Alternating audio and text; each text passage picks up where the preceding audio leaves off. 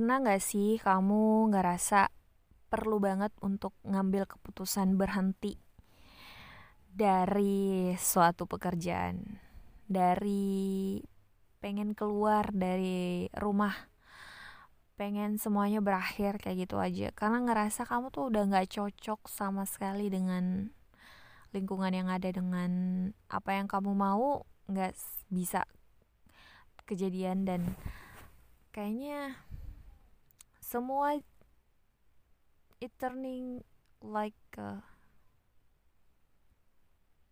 it turning out to be in a bad condition.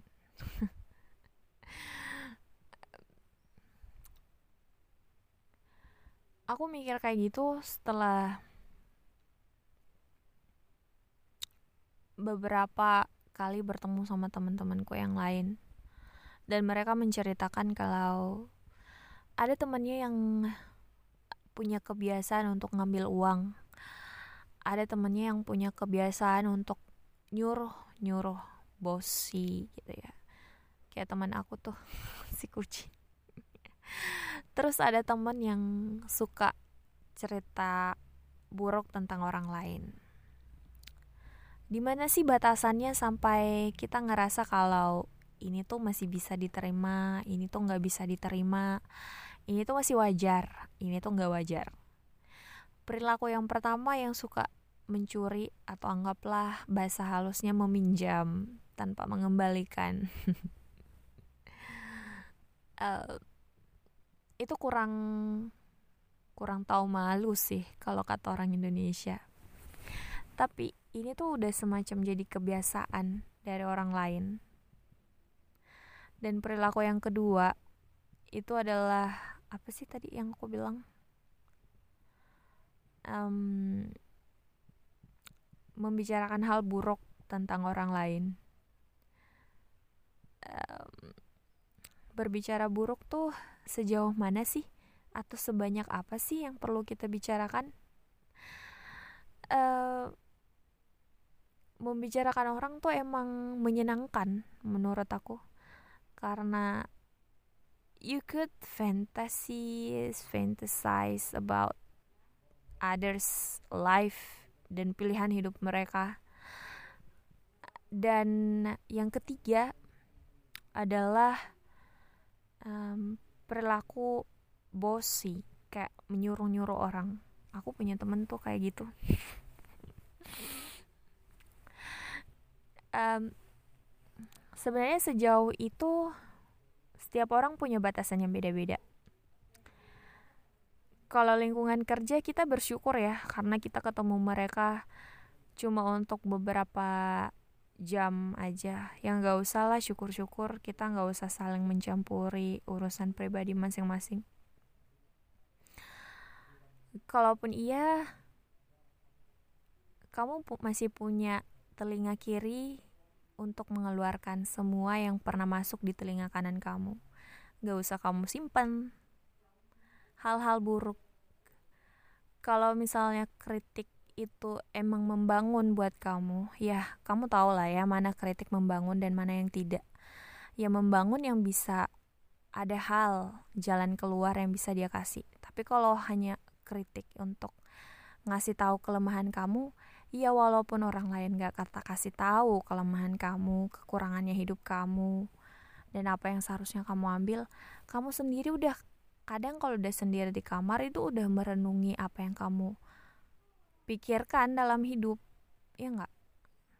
Tapi kadang orang lain tuh terlihat lebih lebih pintar dalam menilai diri kita sendiri dibanding kita mengenal diri kita what? Bukannya bahkan kamu sendiri kadang juga bingung ya? Siapa sih kamu? Bahkan kamu sendiri juga bingung ya? Kok kamu malah milih ngambil jalan yang seperti itu? Ya enggak jadi kenapa kamu harus memikirkan apa yang orang lain pikirkan tentang kamu? Mereka nggak akan benar-benar memikir um, apa ya paham sama kamu. Mereka cuman assuming about your life. Itu salah satu insight yang aku dapat beberapa hari yang lalu. Tapi dibahasakan dengan bahasa yang lebih halus sih dibanding aku sekarang. So kalau aku menghadapi orang seperti itu biasanya ya kalau aku emang terpaksa berusaha yang pertama tuh pertama berusaha mendapatkan manfaat dari orang itu. Seenggak-enggaknya setoksik-toksiknya orang pasti dia punya sisi baik. Kayak tipe yang pertama tuh ternyata temen aku tuh lebih suka mentraktir.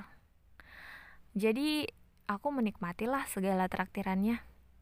Terus tipe aku, tipe teman yang bosi itu ternyata dia punya segala sesuatu kayak tugas selalu selesai tepat waktu kayak pengetahuan bahkan informasi bahkan karena dia suka mengumpulkan dan dia suka mengoleksi informasi dan update dari semua orang. Jadi aku ngerasa bahwa dari tipe karakter seperti ini aku bisa memanfaatkan dia dari segi pertemanan yang ini. Memanfaatkan itu kasar ya jadi kayak lebih mengambil sisi positif pertemanan dia itu di sisi yang ini terus untuk teman aku yang suka membicarakan orang lain aku ngerasa aku bisa jadi lebih kenal temanku yang lain dari dia gitu. Tau nggak ada teman yang kayak jaring laba-laba gitu dia bisa tahu semua informasi yang ada. Meskipun kita udah nggak sama-sama lagi jadi aku merasa bahwa dari dia aku bisa mendapatkan banyak informasi jadi kayak tiba-tiba dia nongol terus dia bilang eh kok tahu? Ini tuh udah dapat beasiswa. Kenapa kok nggak urus? Jadi kayak tiba-tiba oh ya really? Jadi kayak begitu. Aku ngerasa dari setiap orang ini instead of thinking about the negativity yang emang udah ada ya dalam diri mereka yang pasti ada juga di dalam diri aku aku merasa kalau mereka tuh punya banyak sisi positif yang sebenarnya punya sisi yang menarik yang punya sisi yang lucu gitu. Ibaratnya kayak lo bisa kok menikmati hal-hal yang hal-hal yang lucu dari hal-hal yang buruk. Tapi tapi untuk pilihan hidup kayaknya aku nggak bisa untuk selamanya tinggal sama orang tersebut. Karena selain untuk memprioritaskan kesehatan pikiran hati dan kesehatan jantung saya saya juga memikirkan keberlanjutan hidup saya ya. Dan kalaupun kita punya teman seperti itu ya saran aku sih jangan jangan jangan jangan um, keep in touch 24 hours. Cukup di beberapa tempat aja. Tapi jangan juga apa ya just free yourself. Hmm, karena dia kayak kayak gini sih. Maksudnya free yourself from the toxic person tuh kayak jangan karena dia kamu nggak melakukan hal yang kamu suka gitu. Jangan karena dia nggak suka ini kamu jadi ngerasa ngebatasin diri kamu untuk ngelakuin itu. Karena kamu takut dijudge sama orang tersebut. Kayak biasanya tipe toxic person kan kayak gitu ya tapi jangan dijadikan dia sebagai alasan untuk kamu nggak maju gitu. Tetap utamain diri kamu. Aduh really I sounds like motivator right now. Dan karena akan selalu ada orang yang seperti itu hanya don't make it be like a, the person the person. Jadi kayak orang yang satu-satunya jadi alasan kamu gak pengen maju ngambil keputusan yang baru. Ngambil langkah yang lebih maju. Yes. Live your bold bold life. Apa sih? Nggak tahu deh. Intinya itulah ya. Um, I think ignorance is bliss. Wow. Jadi kayak ignorance terhadap apa yang mereka pikirkan tentang kamu, ignorance terhadap um, kata-kata pedis yang kadang mereka lontarkan kepada temennya yang lain atau kata-kata rayuan yang kayak kamu pikir tuh palsu atau kata-kata suruhan yang mereka keluarkan. It's their own problem. Itu masalah mereka bukan masalah kamu. Kamu cukup te- te- um, buka telinga kamu lebar-lebar biar masuk telinga kiri keluar telinga kanan.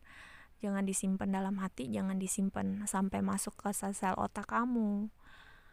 Karena ya hidup kita kan udah lumayan ya lumayan banyak masalah.